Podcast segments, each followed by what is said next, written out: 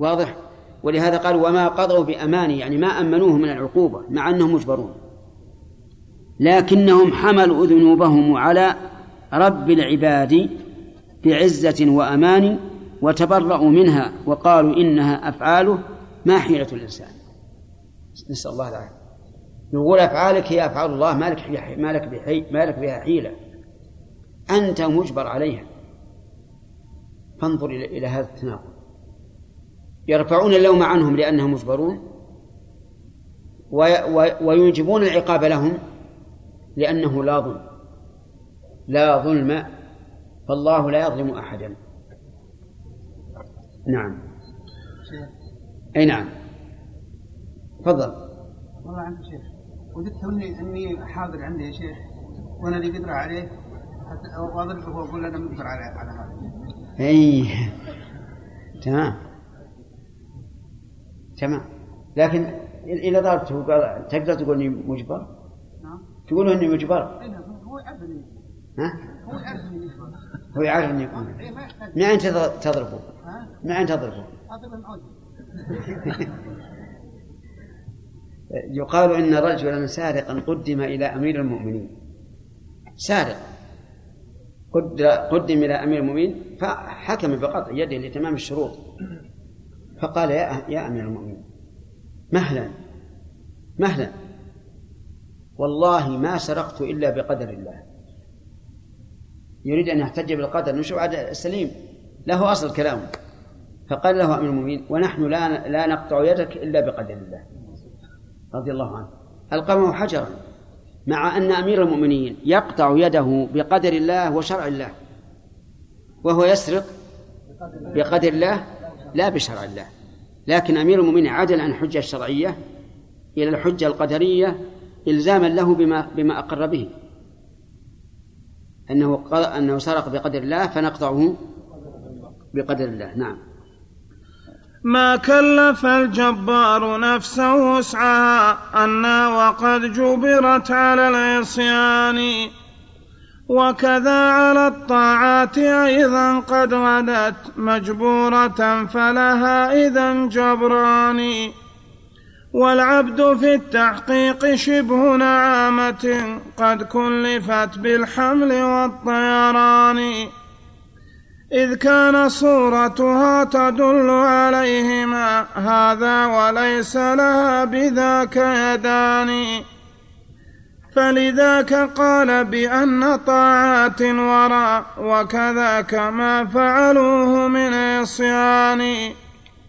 هي عين فعل الرب لا أفعالهم فيصح عنهم عند ذا نفيان. نفي لقدرتهم عليها أولا وصدورها منهم بنفي ثاني. نسأل الله السلامة. هذا مترتب على قوله بالجبر. يقول رحمه الله ما كلف الجبار نفسا وسعها أن وقد جبرت على العصيان. وعلى هذا يرفع التكليف. إذا كان مجبرا على العصيان وهو لا يستطيع أن ينفك منه ولا طاقة له به صار ينفع عنه اللوم. نعم الرحمن. ها؟ أقول الجهم هذا جريء جريء الصوفية دونه. ها؟ خاف كثير. وقف الصوفية دونه. شلون؟ أقول الجهم هذا جريء. جريء يتجرأ. نعم. وقف الصوفية دونه. شيخ ما ما الفرق بين كلام جهم هذا وكلام وحدة الوجود عند الصوفية؟ أي أحسنت. جيد. نحن سنعلق على هذا. الآن إذا قلنا أن أفعال العباد هي أفعال الله فهذا طريق قريب جدا إلى القول بوحدة الوجود بوحدة الوجود. كما قال القائل وكل كلام في الوجود كلامه يعني الله عز وجل. كل كلام في الوجود كلامه سواء علينا نثره ونظامه. ولا شك إن هذا طريق إلى وحدة الوجود. نمشي. إن الله جبل العباد. ولا ولا نقول إن الله جبر العباد. نعم. هاي الجبل الطبيعة؟ يعني أعطى كل إنسان طبيعته التي تليق به. الجبلة وأما الجبر فمعروف الإكراه. نعم. آه، نشرح والعبد في التحقيق شبه نعامة قد كلفت قد كلفت بالحمل والطيران. النعامة إذا رأيتها رأيت جسما كبيرا. ورأيت لها جناح. تكلف بأن يحمل عليها كما يحمل على البعير وتطير. هل هذا ممكن؟ نعم. غير ممكن. يعني واحد عنده حمامة راح ي... آه نعم نعامة. ذهب يحملها. أكياسا من الأمتعة. يلا يقول طيرة ما تقدر لا تحمل ولا تطير. لأن العبد عند هذا عند الجبر الجهم كالنعام. كلف ما لا يستطيع.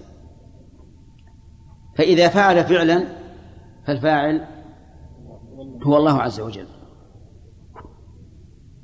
إذ كان إذ كان صورتها تدل عليهما. على إيش؟ صورة تدل على الحمل والطيران على الحمل لأنها كبيرة. على الطيران لأنها لها أجنحة. هذا وليس لها بذاك يدان يعني ليس لها قوة. فلذاك قال بأن طاعات الورى وكذاك ما فعلوه من عصيان هي عين فعل الرب لا أفعالهم فيصح عنهم عند ذا نفيان. نسأل الله العافية. نفي لقدرتهم عليها أولا ونفي لصدورها منهم بنفي ثاني. يعني ينفي القدرة يقول الإنسان هو قادر على عمله هل هذا صحيح؟ الإنسان هل هو قادر على العمل ولا غير قادر؟ قادر له قدرة أعطاها الله إياه هل هو الفاعل ولا غيره؟ هو الفاعل هو يقول لا قدرة ولا فاعل لا قدرة لأنه مجبر ولا فاعل لأن فعله عين فعل الرب عز وجل. طيب ما هو ما هو النفيان؟ بيناه نفي القدرة ونفي صدورها منه.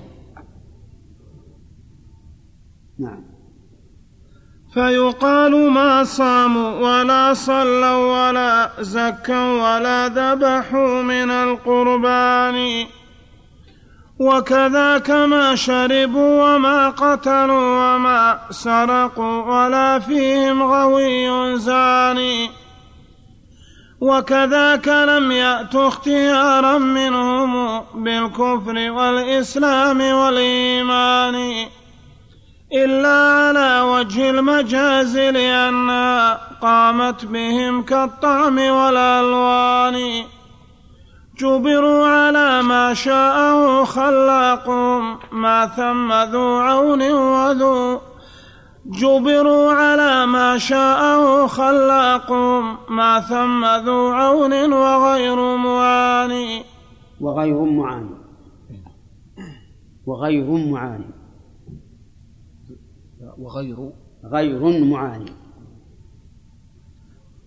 جبروا على ما شاءه خلاقهم ما ثم ذو عون وغير معاني الكل مجبور وغير ميسر كالميت أدرج داخل الأكفان. يعني هؤلاء على مذهب جبار. لا يقال إن الإنسان هو المصلي وهو الصائم وهو المزكي وهو الداعي. وهو المتقرب إلى الله بالذبح لا إلا على سبيل المجاز. من من الفاعل هذه الأشياء حقيقة؟ هو الله عز وجل. نسأل الله العافية. اللهم ربنا لا تزغ قلوبنا. احمدوا الله أن الله لم يجعلكم هكذا. لأن هؤلاء رجال لهم قلوب لهم فهم أذكياء. ومع ذلك ظلوا هذا الضلال البعيد إذا قام الإنسان يصلي يقول هذا غير مصلي من المصلي؟ الله عز وجل. طيب كل يقول يصلي قال هذا مجاز. نسبة الصلاة إليه مجاز لأنها قامت به وهي فعل الرب. طيب وكذاك ما شربوا وما قتلوا وما سرقوا ولا فيهم غوي زاني وكذاك لم يأتوا اختيارا منهم بالكفر والإسلام والإيمان. غصب المؤمن غصب. مغصوب على الإيمان والكافر مغصوب على الكفر. إلا على وجه المجاز لأنها قامت بهم كالطعم والألوان. الطعم تذوقون التمر. حلو. ولا لا؟ طيب. وتذوقون الشري. كيف هو؟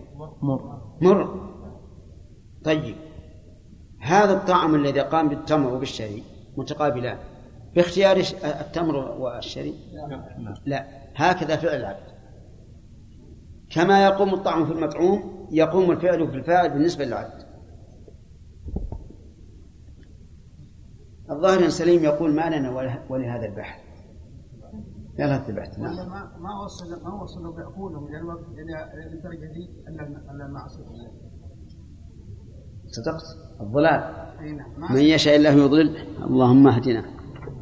نعم. يمكن يمكن البهائم اللي ما لها اللي ما ما تنطق إنها ما ت- ما ت- لا ما تعتقد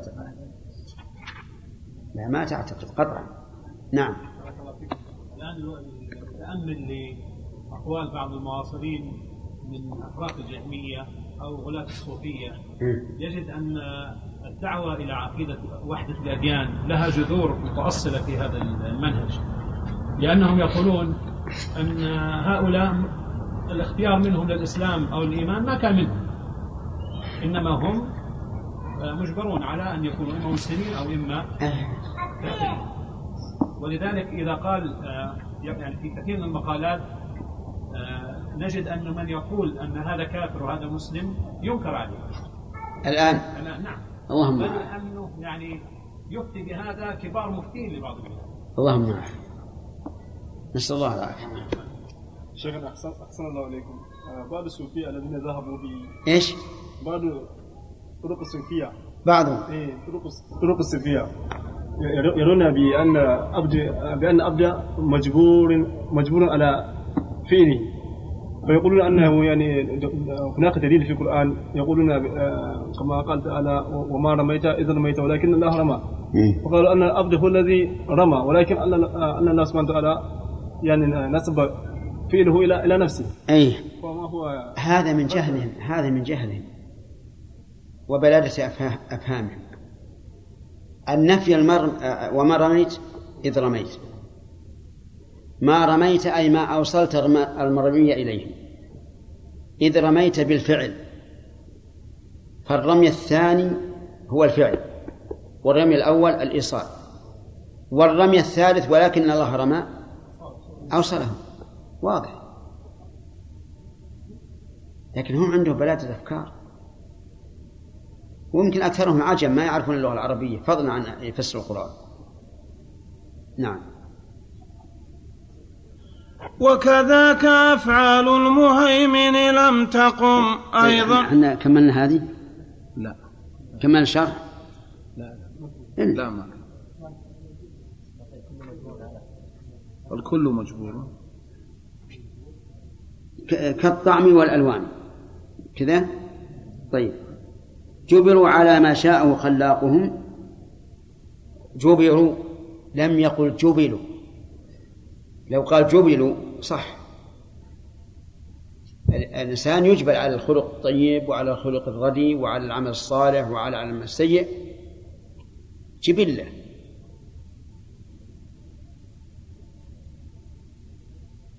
ولهذا لما قال النبي صلى الله عليه وسلم لأشج عبد القيس إن فيك لخلقين يحبهما الله. اسمع يا ولد. إن فيك لخلقين يحبهما الله الحلم والأنات قال يا رسول الله أخل أخلقين تخلقت بهما أم جبل الله عليهما؟ جبلا. قال بل جبلك الله عليهما.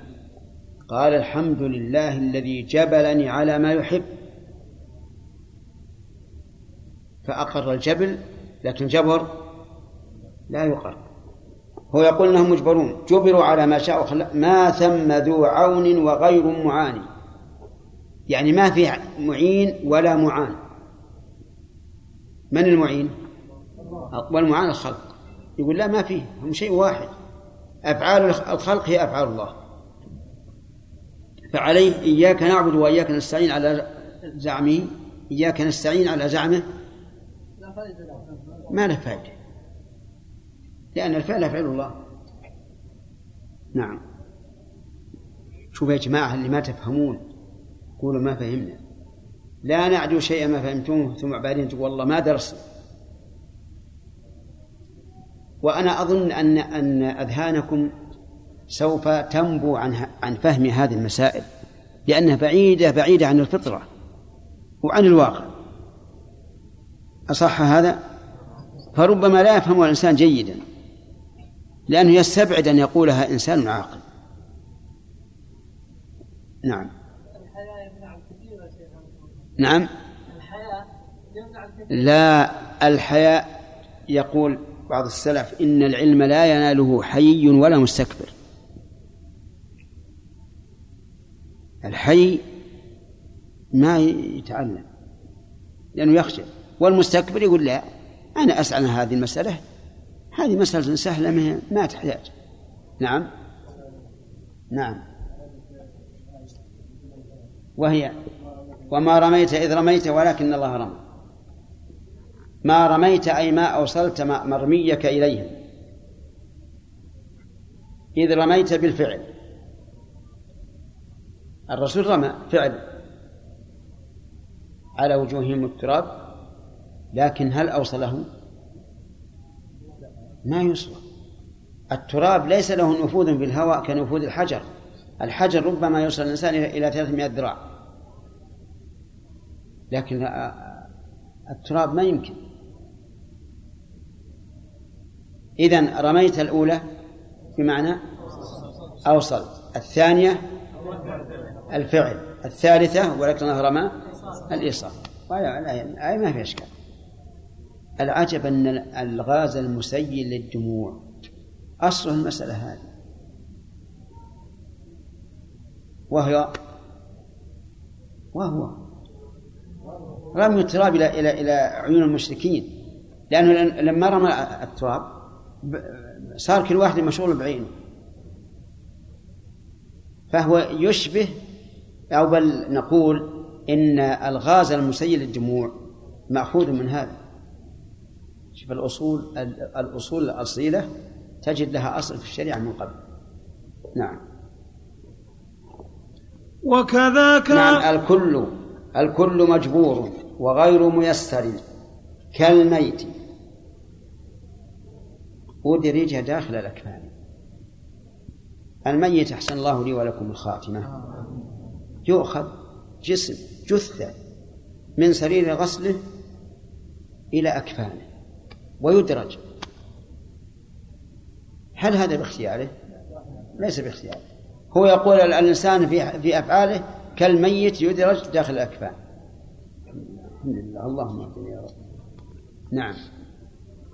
وكذاك أفعال المهيمن لم تقم أيضا به خوفا من الحدثان. فإذا جمعت مقالتيه أنتجا كذبا وزورا واضح البهتان. إذ ليست الأفعال فعل إلهنا والرب ليس بفاعل العصيان فإذا انتفت صفة الإله وفعله وكلامه وفعائل الإنسان. فهناك لا خلق ولا أمر ولا وحي ولا تكليف عبد فاني الله أكبر. وقضى على أفعال المهيمن لا يصح أن تنسب إليه. يعني كل الصفات الفعلية لا تنسب إلى الله. فخلقه بمعنى مخلوق سمعه بمعنى مسموع وهلم جرا خوفا من الحدثان أو الحدثان. يعني خوفا من أن تقوم به الحوادث والحوادث لا تقوم إلا بحادث هذه قاعدتهم المهدومة. فنفى أيضا أن تقوم الأفعال بالله. وهذا من الغرائب غرائب غرائب غرائب. أفعال العبد فعل الله وأفعال الله لا تنسب إلى الله. يعني شيء عجيب سبحان الله. مذاهب لولا أن أن هؤلاء الثقات الذين ينقلون ابن القيم وابن تيمية رحمه الله ما صدقوا. لكن هم جزاهم الله خيرا. خضوا لنا المخيض فأظهروا الزبد. الزبدة. قرأوا كتب هؤلاء ومحصوها وعرفوها ونقلوها إلينا صافية. وهم والله ثقات. ثقات في نقلهم وثقات في فهمهم أيضا. لأنه ربما يطالع الإنسان كتاب شخص ولا يعرف معناه فينقل عنه ما لا يريد. لكنهم ثقات في النقل وثقات في في الفهم. فنقول لنا هذا المذهب. الذي لا يكاد يتصوره عاقل فضلا عن أن يعتقده في ربه. أفعال العباد يا جماعة بالنسبة لله؟ أفعال الله. وأفعال الله التي هي فعله ليست أفعال الله. لا تنسب إليه. فانظر إلى هذا الهذيان. الذي ما فوقه هذيان. فإذا جمعت مقالتيه نعم أنتج كذبا وزورا واضح البهتان. كذبا بقولهم إن أفعال العباد أفعال الله. وزورا كذلك وهو أقبح الكذب. ونفيهم أفعال الله عن نفسه أيضا كذب وزور. إذ ليست الأفعال فعل إلهنا والرب ليس بفاعل العصيان. أفعال الله ليست فعلا. والرب ليس بفاعل العصيان هذه الجملة يحتاج إلى إلى مراجعة في الشرح. معك؟ شرح الهراس أو أو ابن عيسى على كل حال الهراس ما ما يعني وضح المقام. لكن اللي نفهم إذا نفى فعل العبد وقيامه بالعبد وأنه قائم بالله ثم نفى فعل الله وقال إن الله لا تقوم به الأفعال خوفا من من من قيام الحوادث به والحوادث على زعمه لا تقوم إلا بحادث. إذن انتفى فعل الرب عن الرب وانتفى فعل العبد عن العبد. وش بقي؟ ما بقي شيء. العبد لا يفعل والرب لا يفعل.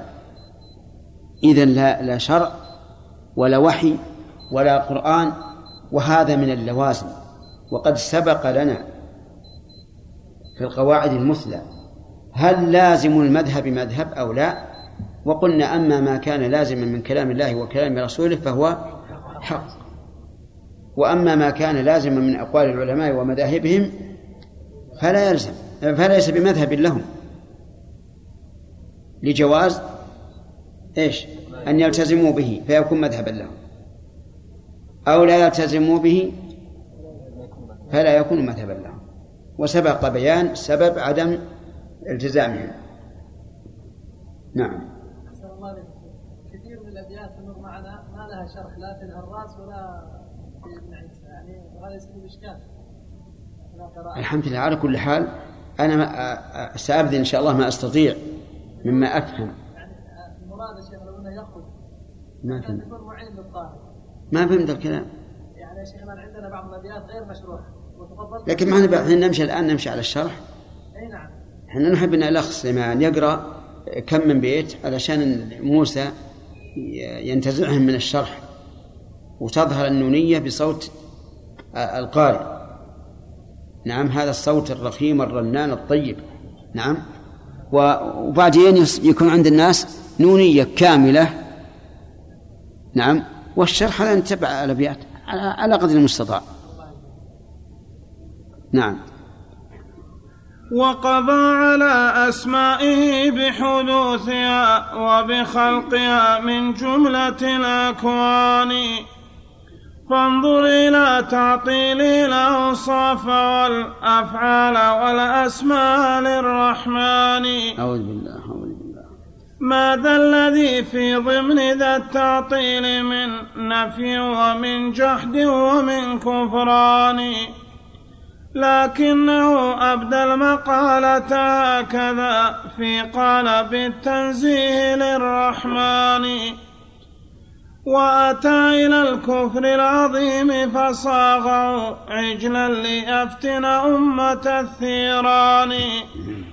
وكساه أنواع الجواهر والحلى من لؤلؤ صاف ومن عقيان.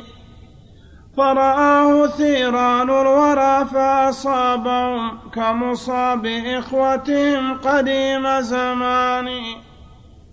عجلان قد فتن العباد بصوته إحداهما وبحرفه ذا الثاني. رحمه الله. جيد. يقول قضى أعني جهما على أسمائه بحدوثها وبخلقها من جملة الأكوان. أسماء الله تبارك وتعالى قديمة تسمى بها جل وعلا واستأثر بعلم بعضها عن خلقه وأظهر ما يحتاج الناس إليه من أسمائه وعرفهم بها وهي قديمة. هو يقول أسماء الله حادثة مخلوقة. أسماء الله حادثة مخلوقة كما أن القرآن كما أن كلامه حادث مخلوق. فالآن مش بقي. الأسماء والصفات والأفعال. الأسماء نفى قدمها. وقال يا يحيى أنت معنا؟ تفهم ما نقول؟ وقال إن أفعال الله مخلوق إن أسماء الله مخلوقة. وليست قديمة. خلقها كما خلق السماوات والأرض. أخطأ أو أصاب أخطأ. أتى إلى الأوصاف. قال لا يمكن أن يوصف. بصفة. لأننا لو وصفناه بصفة قديمة لزم تعدد القدماء. وهذا شرك. شوف كيف صاغه بقالب التنزيه. أتى إلى الأفعال. قال أيضا لا لا يمكن أن يفعل.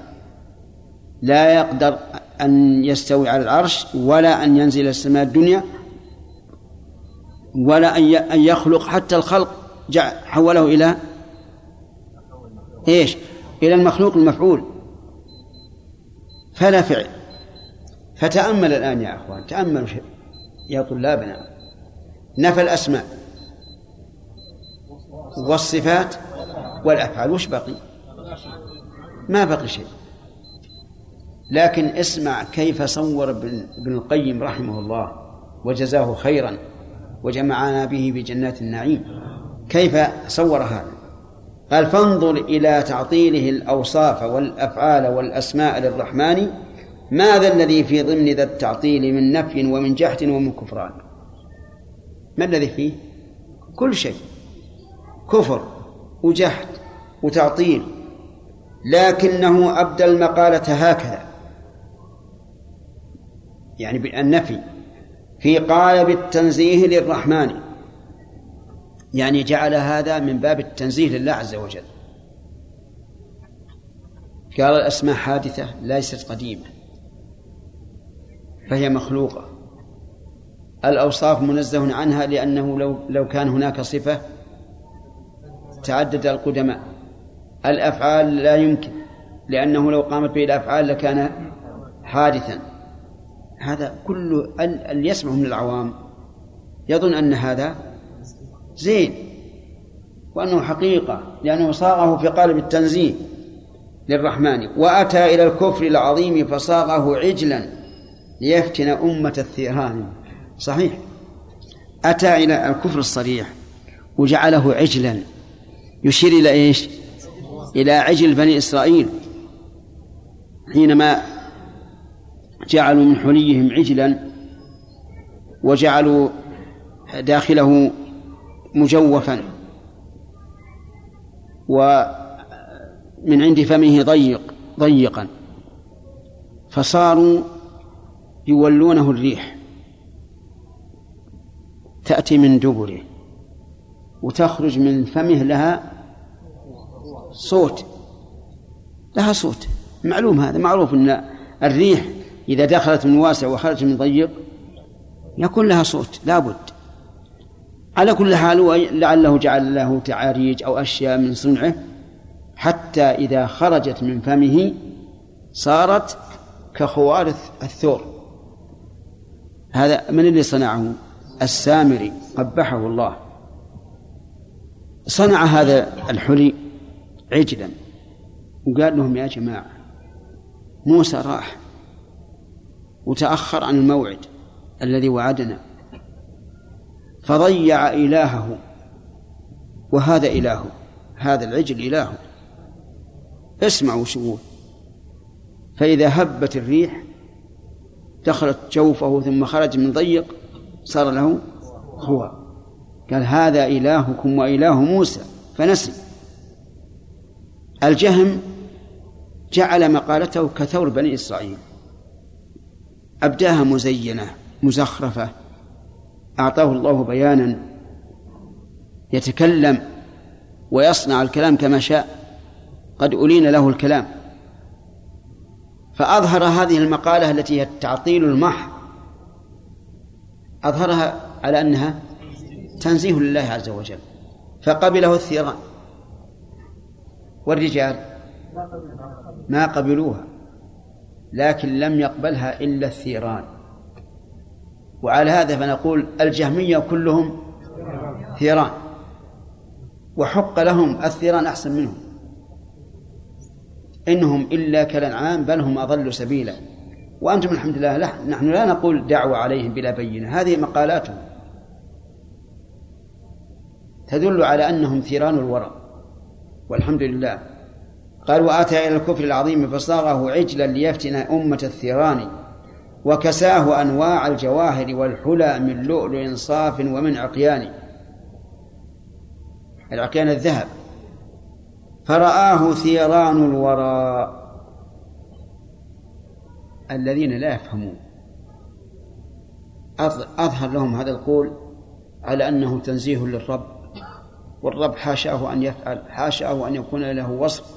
حاشاه أن يكون له أسماء قديمة. فأعجبوا به وأخذوا به. ولولا هذا ما أخذ بمقالته واحد من الناس. لكن التمويه فرآه ثيران وراء فأصابهم كمصاب إخوتهم قديم زمان. من؟ نعم بنو إسرائيل. عبدوا العجل اتخذوه إلها.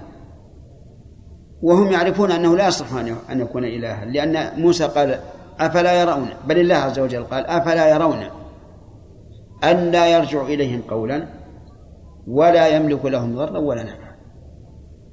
لا يتكلم ولا يرد عليهم ولا يضرهم ولا ينفعهم. كيف يكون إله؟ قال عجلان قد فتن العبادة عجلان العجل الأول عجل بني إسرائيل من الذهب.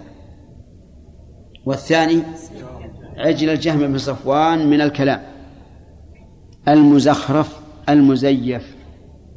يقول فتن العباد بصوته إحداهما. أيهما اللي بصوته؟ عجل بني إسرائيل. وبحرفه ذا الثاني. حرف يعني كلامه يعني جهما. صاغ الكلام بقالب التنزيه والعباد مفطورون على تنزيه الله لكنهم جاهلون فغرهم هذا. نعم. نعم. وعنده ورع ما شاء الله. من؟ هو جهل عنده ورع. ورع لكنه ورع مهلك. اللهم أعلم اي سبحان الله. فاست دقائق يا محمد. المهم إن شاء الله تعالى ارتحت إلى الألفية النونية. ها؟ ارتحنا. فصارت نونية فصار من ينادي بنونية القحطاني. إيش؟ إيش صار؟ ها؟ أنا الحمد لله. تمام. أنا كنت بقول شيء لكن جزاك الله خير. كنت أريد أن أقول صفرا على اليسار لكن الأخ محمد عدلها. ها الآن أعجبتك الآن ها؟ جميلة تمام؟ الحمد لله. إذا كان إذا كان كذلك يوجد بعض الصوفية في بلدنا وغيره آه، عنده عندهم إذا عندهم أذكار المسمى بجوهرة الكمال سولف علينا هل ديرك؟ نعم شيخنا تبي تسولف علينا سوالف هل ديرك؟ لا شيخ بعد يعني إشكال يا شيخنا؟ سؤال. إيه، سؤال يا شيخنا. سأل وين هو بدا بالفتاوي؟ لا لا شيخ ليس دروس. أنت أنت أنت اللي سألته؟ إيه نعم. شيخ. أنت سألته لي أنا الموجه. إيه هذا سؤال موجه لكم يا شيخ. لا لا ما نجي هذا. الحول لقول الله تعالى ومن يشاقق الرسول من بعد ما تبين له الحق. و... نعم. إيش؟ نعم. ومن يشاقق الرسول من بعد ما تبين له الهدى ويتبع غير سبيل المؤمنين نوله ما تولى ونصيه جهنم وساءت مصير لا بد من هذا. ورحمة الله تعالى سبقت غضبه وكثير من هؤلاء الع- العوام يظنون أن مشايخهم هم الذين على الصواب. وهذا شيء واقع. الآن ال- منا نحن أهل السنة. إذا كنا في بلد وعندنا شيخ معظم وأتانا إنسان بقول شيخ آخر ربما يكون أعلم منه وأتقى. هل نقبل أو نقول والله إحنا هذا شيخنا معظم وعالم ما ما نقبل غيره؟ الثاني هؤلاء. العوام مضللون. يقال لهم إن إن الحق معنا وأن أولئك ضلال. لكن في الحقيقة قد يكون بعضهم مفرطا. يذكر له الحق ولكن لا يبحث عنه. فهذا قد لا يعذر لأنه مقصر. والواجب إذا ذكر له الحق أن يبحث. نعم يا سليم. ذكرنا واحد من الشيبان الأولين إنه كان ساكن المدينة. نعم. كان يقول يوم صغار يجون الروافض ويعطونا ويعطونا جوائز. يعطونا جوائز يقولون خلوكم على مذهبنا وهل وهلكم لا يدرون. ونحن وش أعد أعد يقول يقول خلوكم على مذهبنا إحنا. يقول ش- الروافض. الروافض. ونعطيكم جو- جوائز. ولكن هيكم لا يدرون أنتم خلوكم على على ك- مع هيكم إيه. وهيكم لا يدرون. تقية. إيه بس خلوكم بالعقيدة معنا. مم. يقولوا يعطونا جوائز يقولوا يعطونا جوائز يقول ما الحين إحنا يقول ما نقبلهم لأن أه- أهلنا يقول بغضينهم بغضينا فيهم. إيه، الحمد لله. إيه. لهم خبث يبذلون يبذلون بذلا عظيما. هذا يقول لقد أعطيتمونا قريبا تفسير الشيخ عبد الرحمن السعدي رحمه الله فلو أعطيتمونا أو من يريد منا من أو من يريد من 21 إلى 36 المصحف المرتل للشيخ الحديثي لأننا نستفيد منه كثيرا. هذا طبعا يتكلم عن نفسه. فهل أنتم موافقون؟ على كل يا كمال خيرهم. إما بالمصحف المرتل وإلا بالتفسير الشيخ. نعم.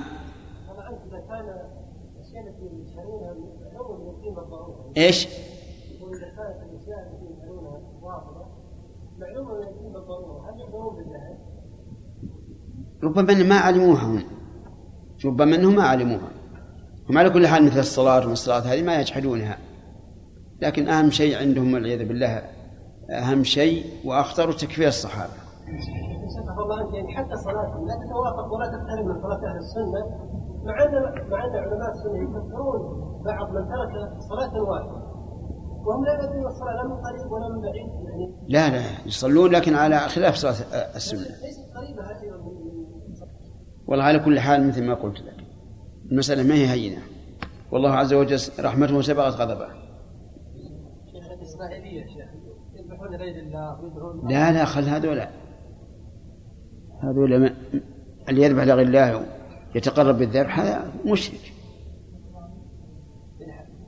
لكن في العقائد أما في الأفعال اللي يفعل شيء مكفر بكفر والمسألة بالحقيقة شائكة المسألة الشائكة جدا جدا. نسأل الله الهداية. نعم. إذا قال إن إنها إنما برأ الله منها ليس بصواب وأنها حصل منها والعياذ بالله الفاحشة. في هذه القضية فهو كافر لا شك لأنه مكذب للقرآن. لكن لو يدعي شيء آخر إحنا نرى أنه كافر. حتى لو قذف واحد من أمهات المؤمنين فهو كافر. لأن قذفه بنس- بنس- بنساء الرسول صلى الله عليه وعلى آله وسلم يعني قذف الرسول عليه الصلاة والسلام. والمنافقون ما همتهم عائشة. همهم أن يدنسوا فراش النبي صلى الله عليه وعلى آله وسلم. ما في أسئلة يا جماعة عندنا درس. لكن أظن سليم بقية هذا الأسبوع عنده الشغل هكذا يا سليم؟ بارك الله فيك. أنتم فاهمين يا يحيى وأخوانك؟ سليم هذا تعرفه؟ يقول عندي هو شغل بقية هذا الأسبوع. وش معنى عنده شغل؟ ها؟ نعم لا تعرفين. طيب. ها؟ في لا لا فيه ظاهر وباطن. إن إنه ما في درس يعني.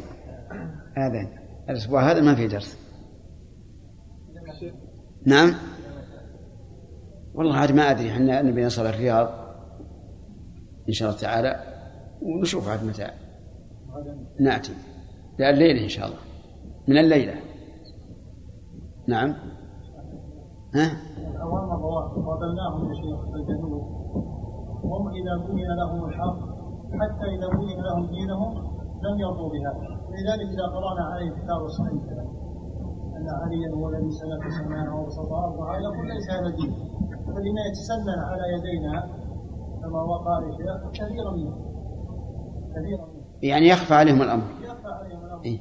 وهذا هو الذي يفعله من علمائهم لا هو هو كذلك. يعني حتى ال- الإيرانيين يحدثون عنهم إنه معمن عليهم الأمر. إنه معمن عليهم الأمر. نعم. شيخ أحسن الله إليكم. بالنسبة يعني مرة مع عائشة. أن أحدا انتدب ل- لهذه ال- ال- الأحكام اللي ذكرها ابن القيم رحمه الله وخر وذكر أدلتها من السنة مخرجة. يكون طيب. كما فعلنا في آخر الكتاب. نعم. عجيب.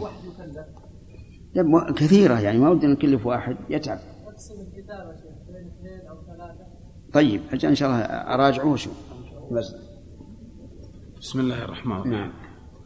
والناس أكثرهم فأهل ظاهر تبدو لهم ليسوا بأهل ماني فهم القشور وبالقشور قوامهم واللب حظ خلاصة الإنسان. ولذا تقسمت الطوائف قوله وتوارثوه إرث ذي السهمان. لم ينج من أقواله طرا سوى آل الحديث وشيعة القرآن. فتبرأوا منها براءة حيدر وبراءة المولود من عثمان. من عمران عندي من عمران. نعم. عندكم إيش؟ نسخة من عثمان. هي عندي عمران بس إحنا صححناها صححنا يعني معلق عليه.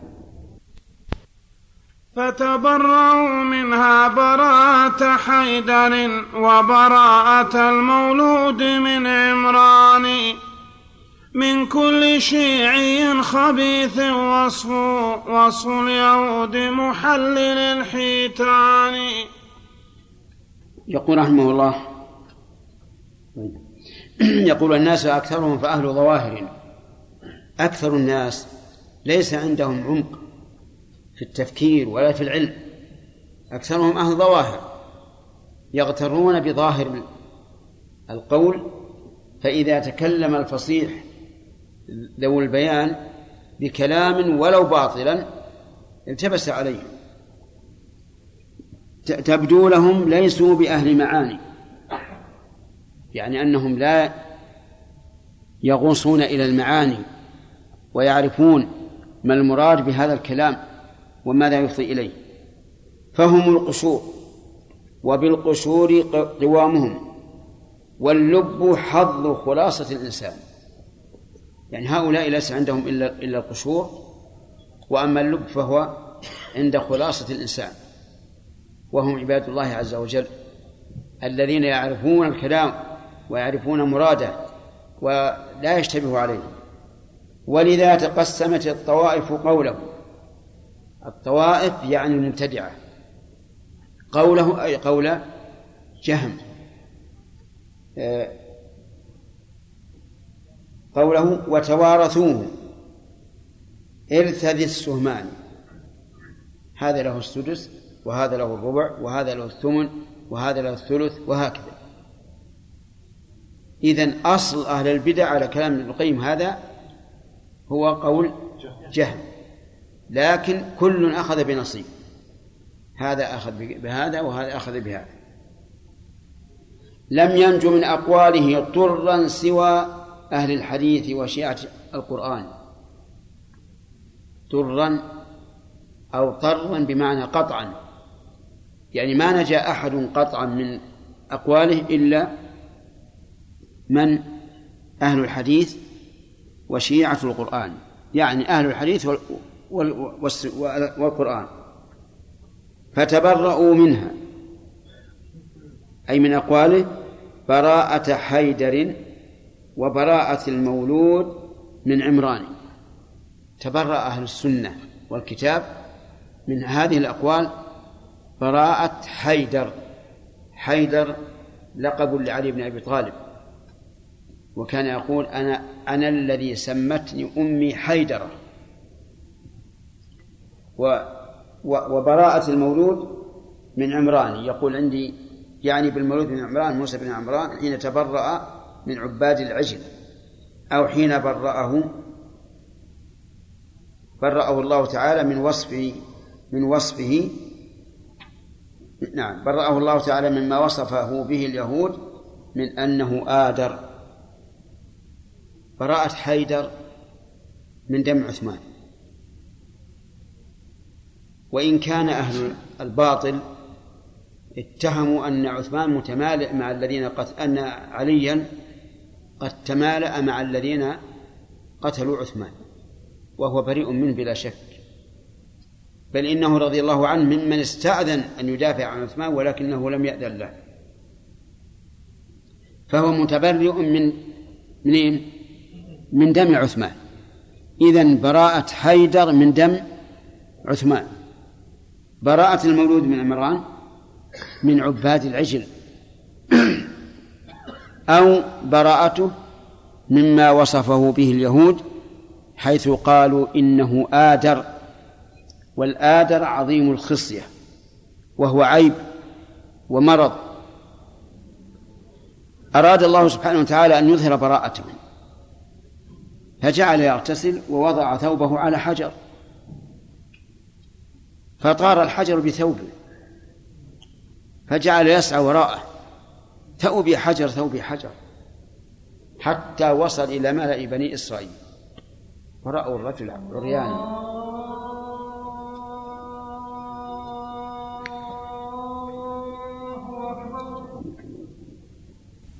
المهم أن موسى عليه الصلاة والسلام لحق الحجر. يقول ثوبي حجر. ولم يقف الحجر إلا عند ملأ بني إسرائيل. فشاهدوا موسى فإذا هو بريء ليس فيه شيء. وجعل يضرب الحجر. يضربه. كيف يضربه وهو جماد؟ لأنه فعل فعل المختار المريد. فجعل يضربه. ولذلك كنا مع الصبيان إذا عثر الصبي بالحجر جعلنا نضرب الحجر حتى تطيب نفسه. لأن الصبي يعتقد أن الحجر اعتدى عليه. فتجد يصيح يصيح فإذا قلت ضربناه مرتين ثلاث خلاص أسكت. أخذ له بالحق. آه نعم. من كل من كل نعم. شيء من كل شيعي خبيث وصفه. وصف اليهود إيش؟ محلل الحيتان. محلل الحيتان. من كل شيعي. الشيعي هو الذي يغلو في علي بن أبي طالب وأهل البيت. ويدعون أنهم شيعة آل البيت. والحقيقة أنهم ليسوا شيعة أهل البيت. وأن أهل البيت بريئون من مما هم عليه. ولهذا يذكر أن عبد الله بن سبأ لما خاطب علي بن أبي طالب وقال له أنت الله أمر رضي الله عنه بالأخدود فخدت حفرت سواقي وبالحطب فجمع وبالنار فأضرمت ثم جعل يلقيهم فيها في النار. لأن فعلتهم فعلة عظيمة شنيعة. فعذبهم رضي الله عنه بالنار. ولما بلغ ذلك عبد الله بن عباس انتقده. وقال يعني لو كنت مكانه لقتلتهم لأن النبي صلى الله عليه وعلى آله وسلم قال من بدل دينه فاقتلوه. ولما أحرقتم لأن النبي صلى الله عليه وعلى آله وسلم نهى أن يعذب بالنار. فبلغ ذلك علي بن أبي طالب فقال ما أسقط ابن أم الفضل على الهنات إن على الزلة ولكن عليا فعل ذلك بتأويل لعظم بدعتهم والعياذ بالله. هؤلاء الشيعة يشبهون اليهود. يشبهون اليهود في في الحيل والمكر وليسوا شيعة لآل البيت. شيعة آل البيت حقيقة هم أهل السنة الذين ينزلونهم منزلتهم ولا يجعلون ولا يجعلون لهم حقا من الربوبية أو تدبير الخلق كما يزعم يزعم ذلك غلاتهم نعم. فصل في مقدمة نافعة قبل التحكيم. يا أيها الرجل المريد نجاته اسمع مقالة ناصح مواني كن في أمورك كلها متمسكا بالوحي لا بزخارف الأذيان وانصر كتاب الله والسنن التي جاءت عن المبعوث بالفرقان. واضرب بسيف الوحي كل معطل ضرب المجاهد فوق كل بنان. واحمل بعزم الصدق حملة مخلص متجرد لله غير جبان. غير أحسن. واحمل بعزم الصدق حملة مخلص متجرد لله غير جبان. واثبت بصبرك تحت ألوية الهدى فإذا أصبت ففي رضا الرحمن. واجعل كتاب الله والسنن التي ثبتت سلاحك ثم صح بجناني من ذا يبارز فليقل. الظاهر إنه بجبان. ما عندكم نسخه ها؟ بجبان أحسن. صح بجبان أي بالجاء. بالذي يخاف ولا يخفي واجعل كتاب الله والسنن التي ثبتت سلاحك ثم صح بجنان. من ذا يبارز فليقدم نفسه. من ذا يبارز.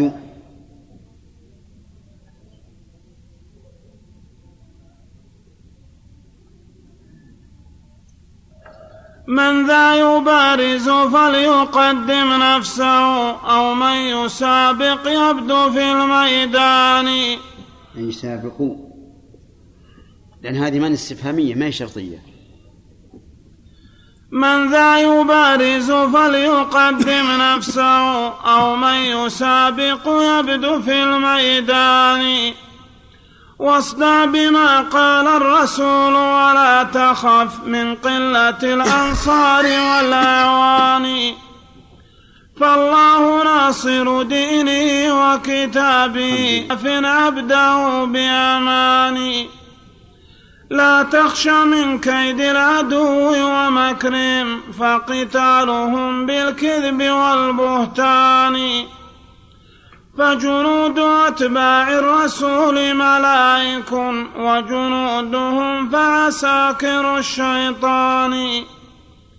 شتان بين العسكرين فمن يكن متحيزا فلينظر الفئتان. وأثبت وقاتل متحيزا ولا متحيرا؟ بالراء. الظاهر متحيرا حتى نسخة. أحسن. منها طيب كيف أقرأ؟ على قراءتك. يعني متحيزا لا بأس به. واثبت وقاتل تحت رايات الهدى واصبر فنصر الله ربك داني. واذكر مقاتلهم لفرسان الهدى لله در مقاتل الفرسان. وادرى بلفظ مقاتل أحسن. در مقاتل.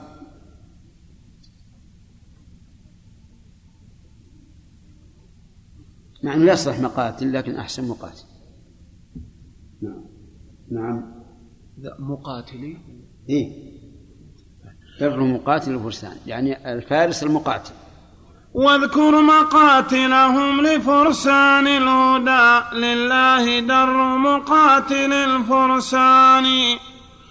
وادرى بلفظ النص في نحر العدا وارجمهم بثواقب الشهبان. لا تخش كثرة فهم همج الورى وذبابه أتخاف من ذبان. واشغلهم عند الجدال ببعضهم بعضا فذاك الحزم للفرسان. وإذا هم حملوا عليك فلا تكن فزعا لحملتهم ولا بجبان. واثبت ولا تحمل بلا جند فما هذا بمحمود لدى الشجان. رحمه الله لما ذكر ما, ما, ما ذكر من قواعد أهل البدع عقد فصلا للتحكيم. فقال رحمه الله يا أيها الرجل المريد نجاته اسمع مقالة ناصح معوان. يعني يخاطب الرجل لأن الرجل هو محل الخطاب لعلمه بما يحترم وما يقبل. المريد نجاته من أي من أي شيء؟ من النار ومن البدع. اسمع مقالة ناصح معواني أي ناصح لك معين لك. فإذا قال قائل أليس في هذا مدح لنفسه وتزكية لها؟ فالجواب أنه رحمه الله لم يرد بهذا أن يثني الناس عليه لكن يريد من من من هذا أن يقبل الناس الحق. ونظير هذا قول عبد الله بن مسعود رضي الله عنه لو أعلم أن أحدا من الناس أعلم بكتاب الله مني. تناله الإبل لرحلت لرحلت إليه. ما قصده أن يمدح نفسه؟ قصده أن يقبل الناس عليه ويأخذ, ويأخذ منه. ولهذا بعض العلماء يمدح مؤلفه ليقبل الناس منه ليقبل الناس عليه. أرأيتم ابن مالك رحمه الله في الألفية ماذا قال؟ قال فائقة قبله قبلها. يقول رحمه الله إنها تبسط البذل بوعد منجز وتقتضي رضا بغير سخط فائقة ألفية النمعة. ليس ليس قصد بهذا أن الناس يمدحونه قصد أن ينتفع الناس بها. ففرق بين شخص يزكي نفسه ليمدح وشخص يقول عن نفسه ما يوجب أن يقبل الناس الحق. فابن القيم رحمه الله لا يريد أن يزكي نفسه بقول مقالة ناصر المعواني إنما أراد حث الناس على أن يقبلوا ما ما يقوله من الحق. كن في أمورك كلها متمسكا بالوحي لا بزخارف الهذيان. في أمورك كلها العقيدة والخلق والعبادة والمعاملة كل أمورك. حتى لباسك وأكلك وشربك كن متمسكا بالوحي. لا بزخارف الهذيان. وانصر كتاب الله والسنن التي جاءت عن المبعوث بالفرقان. انصر كتاب الله بالدفاع عنه وبيان أحكامه وأسراره ومعانيه يعني هذا نصر القرآن. وليس النصر أن تتلوه فقط نصره أن تذب عنه وتبين أحكامه وأسراره وما فيه من البدائع العظيمة. كذلك السنن التي جاءت عن المبعوث وهذا يعني أنه لابد أن نتأكد من أن السنة جاءت عن النبي صلى الله عليه وعلى آله وسلم وليس كل ما ينسب إليه يكون صحيحا. لابد أن تبحث أولا عن سندها فإذا صح انظر في المتن. ثم انصر ما جاء عن الرسول عليه الصلاة والسلام. واضرب بسيف الوحي كل معطل. ضرب المجاهد فوق كل بنان. اضرب بسيف الوحي. وإذا ضربت بسيف الوحي فهل أنت غالب أو مغلوب؟ غالب. الدليل على هذا قول الله تعالى بل نقذف بالحق على الباطل فيدمغه. فإذا هو زاهق انظر هذه الكلمات العظيمة. نقذف أي نرمي بشدة. على الباطل فيدمغه. وهل يبقى حيا أو يموت في الحال يموت في الحال ولهذا جاءت الفاء وإذا الفجائية. قال فإذا هو زاهق. ولم يقل إذا هو يزهق. إذا هو زاهق يموت في الحال. والقائل من؟ الله عز وجل. الذي وعده صدق وقوله حق وهو قادر على هذا عز وجل. لكن إذا قال قائل إننا نجد من يرمي بالحق, على الباطل ولكن لا يحصل هذا. نقول العلة ليس ليس بالسلاح. العلة بإيش؟ بحامل السلاح. وليس كل من حمل السيف يقتل به. نعم. الجبان إذا كان معه السيف. نعم. وجاءه العدو. ماذا يكون موقفه؟ يرتعش يرتعش ويطيح السيف منه. والشجاع لو كان معه عصا لم يهب سيف الأعداء. فالواقع أن أن السلاح بحامله. وإلا فالقرآن هو القرآن والسنة هي السنة والحق هو الحق والباطل هو الباطل. لكن العلة بالفاعل.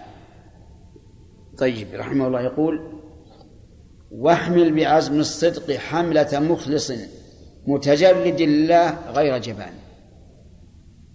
الذي يحمل بنية خالصة وعزيمة صادقة لله عز وجل فإنه لا يهاب يا إخوان ما يهاب لأن آخر ما يمكن أن يفعل به إيش؟ أن يقتل. وإذا قتل فهو في سبيل الله ينتقل من دار الشقاء والكدر والأذى إلى دار النعيم فهو لا يبالي. مثل ما قال بعض الصحابة في إحدى الغزوات قاله إما لرستم أو لغيره من من زعماء الفرس قال إننا نحب الموت كما تحبون الحياة. هذه كلمة عظيمة. نحب الموت في إيش؟ في سبيل الله كما تحبون الحياة يعني أن لا نبالي. وابن القيم رحمه الله يقول احمل بعزم الصدق حملة مخلص متجرد الله غير جبان واثبت بصبرك تحت ألوية الهدى وإذا أصبت ففي رضا الرحمن. هذا الشطر الأخير يجب أن يكون عند قلب كل إنسان. إذا أصبت ففي رضا الرحمن. اعلم أن الداعي إلى الله. لا بد أن يناله أذى. لا بد أن يناله أذى. إما بالقول وإما بالفعل. كما قال عز وجل وكذلك جعلنا لكل نبي عدوا. اثنين. من المجرمين. كل نبي له عدو من المجرمين. كل من ورث ورث الأنبياء فله عدو من المجرمين. لا بد من أذية. لا بد من مضايقة تسمعها بأذنك أو تخبر عنها. ولكن ما الموقف؟ أن كل ما يصيب الإنسان من ذلك فهو في رضا الله عز وجل. لما دميت إصبع النبي صلى الله عليه وسلم ماذا قال؟ قال هل أنت إلا إصبع دميت وفي سبيل الله ما لقيت. ما دام الإنسان يناله الأذى لقيامه بأمر الله فليبشر بالخير. أن هذا من منازل الأنبياء عليهم الصلاة والسلام. ولا تكن كالذين قال الله فيهم ومن الناس من يقول آمنا بالله فإذا أوذي في الله جعل فتنة الناس كعذاب الله وارتد أثبت. فإذا أصبت ففي رضا الرحمن واجعل كتاب الله والسنن التي ثبتت سلاحك ثم صح بجبان. اجعل القرآن والسنة السلاح. ثم صح يعني اصرخ بهما بالجبان. وماذا تكون حال الجبان؟ الصمود أو الهرب؟ الهرب لا يمكن أن يبقى. ما دام سلاحك الكتاب والسنة وعندك القوة قوة العزيمة وقوة الإرسال فاعلم أنه لن يبقى أمامك أحد. من ذا يبارز؟ يعني صح بالجبان وقل من ذا يبارز فليقدم نفسه أو من يسابق يبدو في الميدان. يعني المبارزة الخروج من برز يبرز إذا خرج. وكان من عادتهم أنه إذا التقى الصفان طلب الشجعان من عدوهم أن يبارزه أن يبارزه من يبارزه. والفائدة من المبارزة أنه إذا غلب المبارز من العدو انكسرت شوكتهم وأصابهم الرعب والهلع وهذا شيء معروف في مسالك المجاهدين. ذكر الفقهاء أن أمير المؤمنين علي بن أبي طالب رضي الله عنه طلب مبارزته من العدو عمر بن ود. قال له طيب ما في معنى. خرجوا فلما أقبل عمرو بن ود على علي صاح ما خرجت لأبارز رجلين. هو صادق ولا غير صادق؟ صادق خرج يبارز واحد. ما خرجت لأبارز رجلين. شوف الذكاء. التفت عمرو بن ود. وش ظن؟ ظن أن أن وراءه واحد. لما التفت أخذ رأسه. سبحان الله. والحرب خدعة. لكن أين اللي تكون حا يعني حاضر الكلام في مثل هذا هذا الضيق؟ من ذا يبارز فليقدم نفسه أو أو من يسابق يبدو في الميدان. كلمة من يسابق قلت لكم إنها من استفهامية. ويشكل على هذا قوله يبدو في الميدان حيث حذف حرف العلة. وحرف العلة إنما يكون عند الجزم. وإذا جزمت يبدو وهي جواب من؟ ترجح أنها شرط لكن لا مانع أن نقول إنه يجوز حذف حرف العلة من أجل استقامة الوزن. واصدع بما قال الرسول ولا تخف من قلة الأنصار والأعوان. اللهم ثبتنا. استقبل عليه الصلاة والسلام. إن وجدت أعوانا فهذا من فضل الله عليك وعليهم وإن لم تجد فلا يهمك ولا تخف من قلة الأنصار والأعوان ناصر دينه وكتابه. والله كاف عبده بأمانه. صدق رحمه الله. الله ناصر دينه. وناصر كتابه. وكاف عبده بأمانه لكن متى يكفيه إذا توكل عليه. قال الله تبارك وتعالى ومن يتوكل على الله فهو حسبه. لا تخش من كيد العدو ومكرهم فقتالهم كذا؟ فقتالهم بالكذب والبهتان. لكن هذه تحتاج إلى إلى همة قوية. وعزيمة صادقة. و فجنود أتباع الرسول ملائك وجنودهم فعساكر الشيطان جنود أتباع الرسول الملائكة كما قال عز وجل إذ يوحي ربك إلى الملائكة أني معكم فثبتوا الذين آمنوا. سألقي في قلوب الذين كفروا الرعب فاضربوا فوق الأعناق. فالملائكة تثبت عباد الله وتؤيدهم. ولهذا يجد الإنسان عند الجهاد بالعلم والبيان يجد إلهاما لا يجده في حال السعة وذلك بتثبيت الملائكة له وفتح أبواب العلم. شتان بين بين العسكرين فمن يكن متحيرا فلينظر الفئتان يعني الإنسان يجب أن يعلم الفرق بين هذا وهذا. ومن كان متحيرا فلينظر وليتأمل حتى يعرف من هم أحق بالاتباع. ثم قال رحمه الله واثبت وقاتل تحت رايات الهدى واصبر فنصر الله ربك داني. هذا كالأول لكنه كرره رحمه الله لزيادة تثبيت تثبيت قلب الإنسان.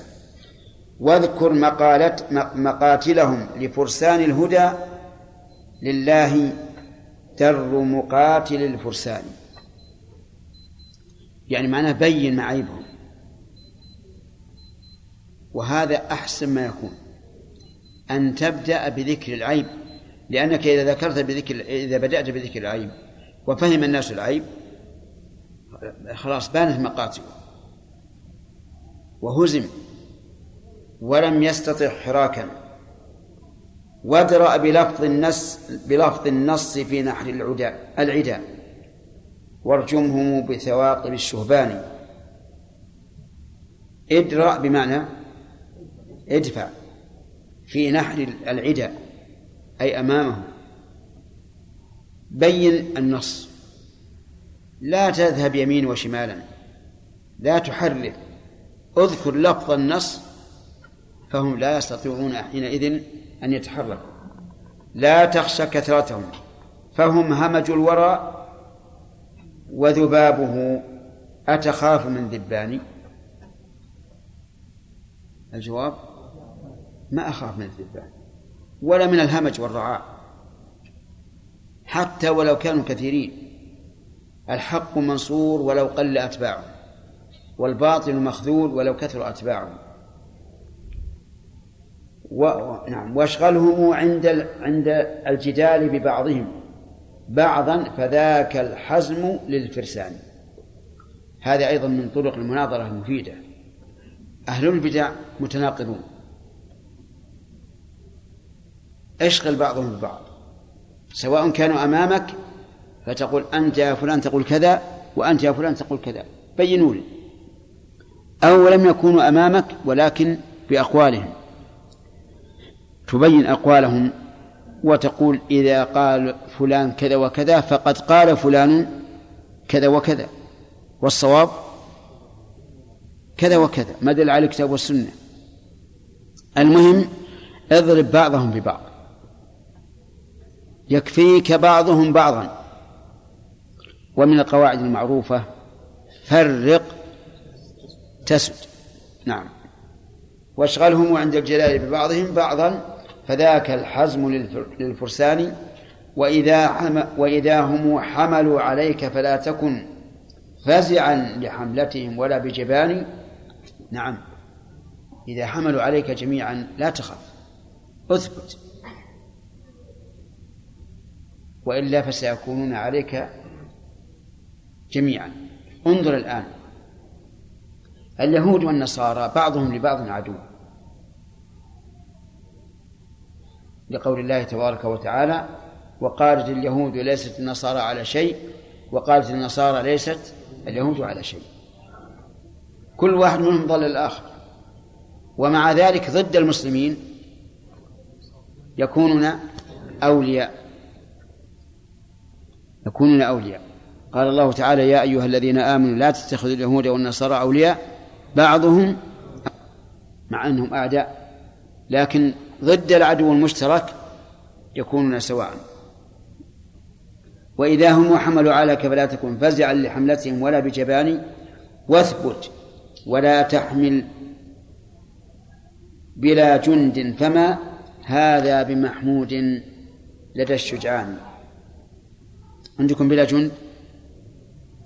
اثبت هذا واضح أمامهم. لا تحمل بلا جند يعني لا تقدم إلا ومعك جنود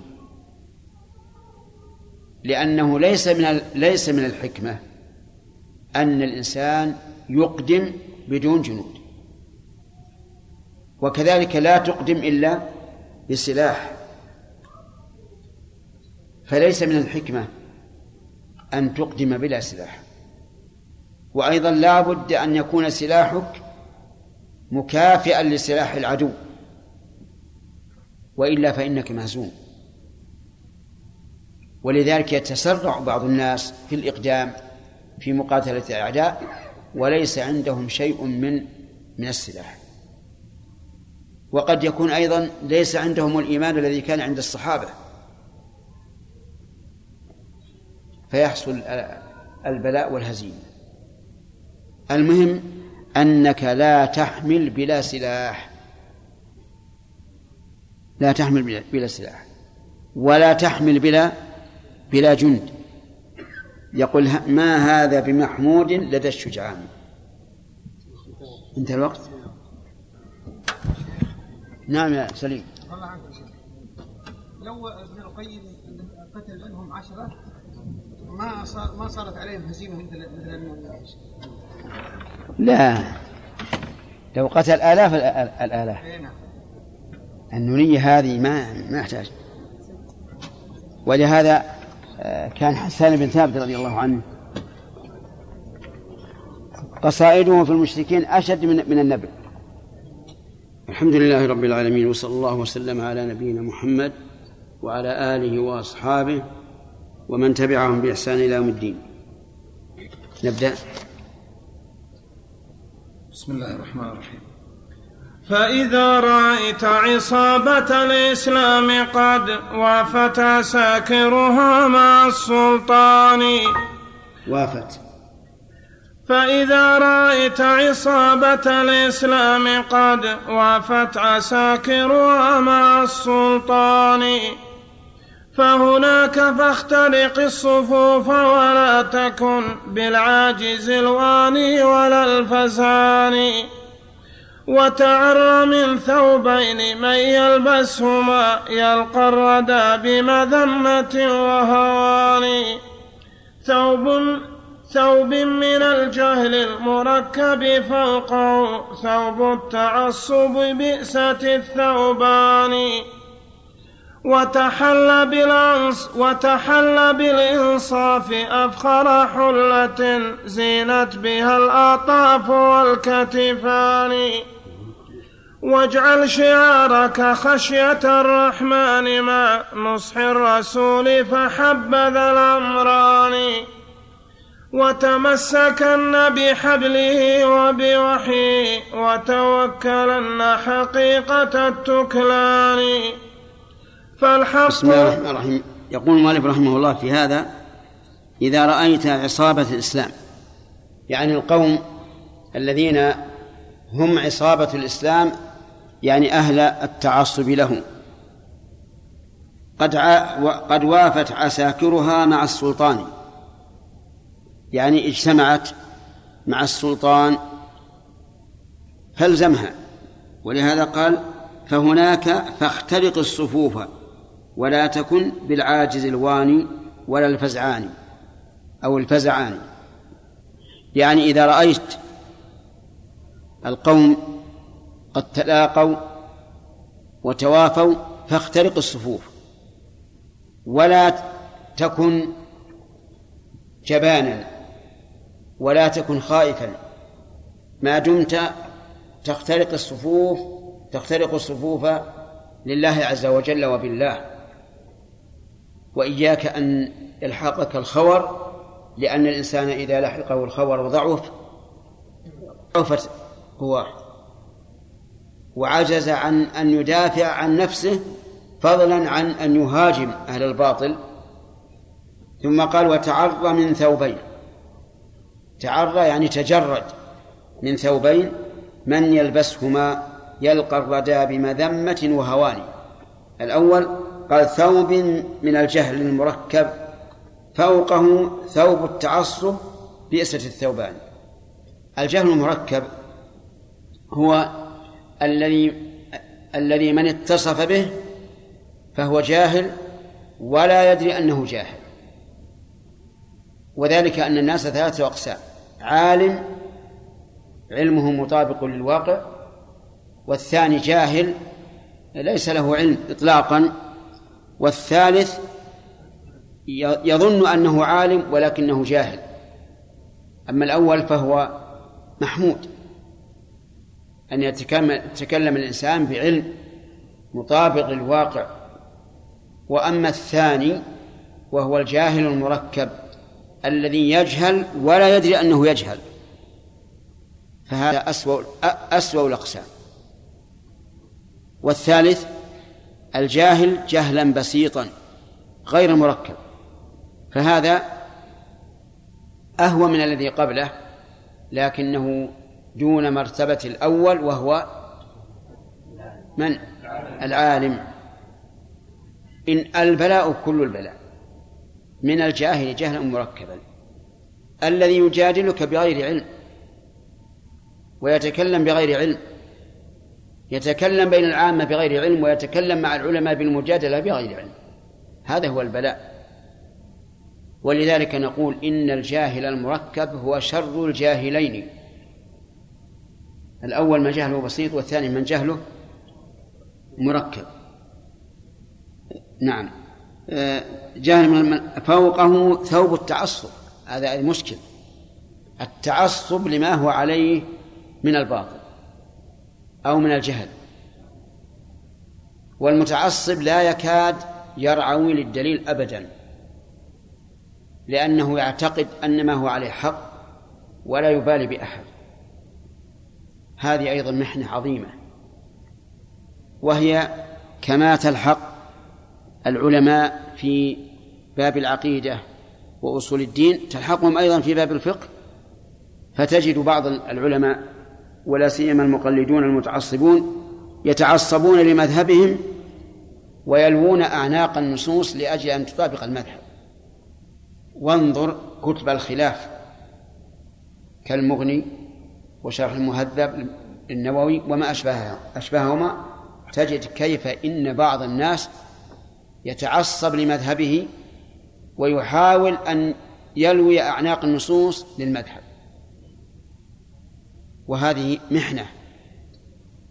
سببها أن الإنسان يعتقد قبل أن يستدل فيجعل الدليل تبعا لما لما يقوله ويعتقده والواجب أن أن تستدل أولا ثم تعتقد. وتجعل اعتقادك وحكمك تابعا للدليل. لكن التعصب هذا أمره مشكل. إذا قال قائل كيف تقولون هذا؟ والنصارى يقولون إن المسلمين متعصبون لدينهم. قلنا هذا تعصب محمود بل واجب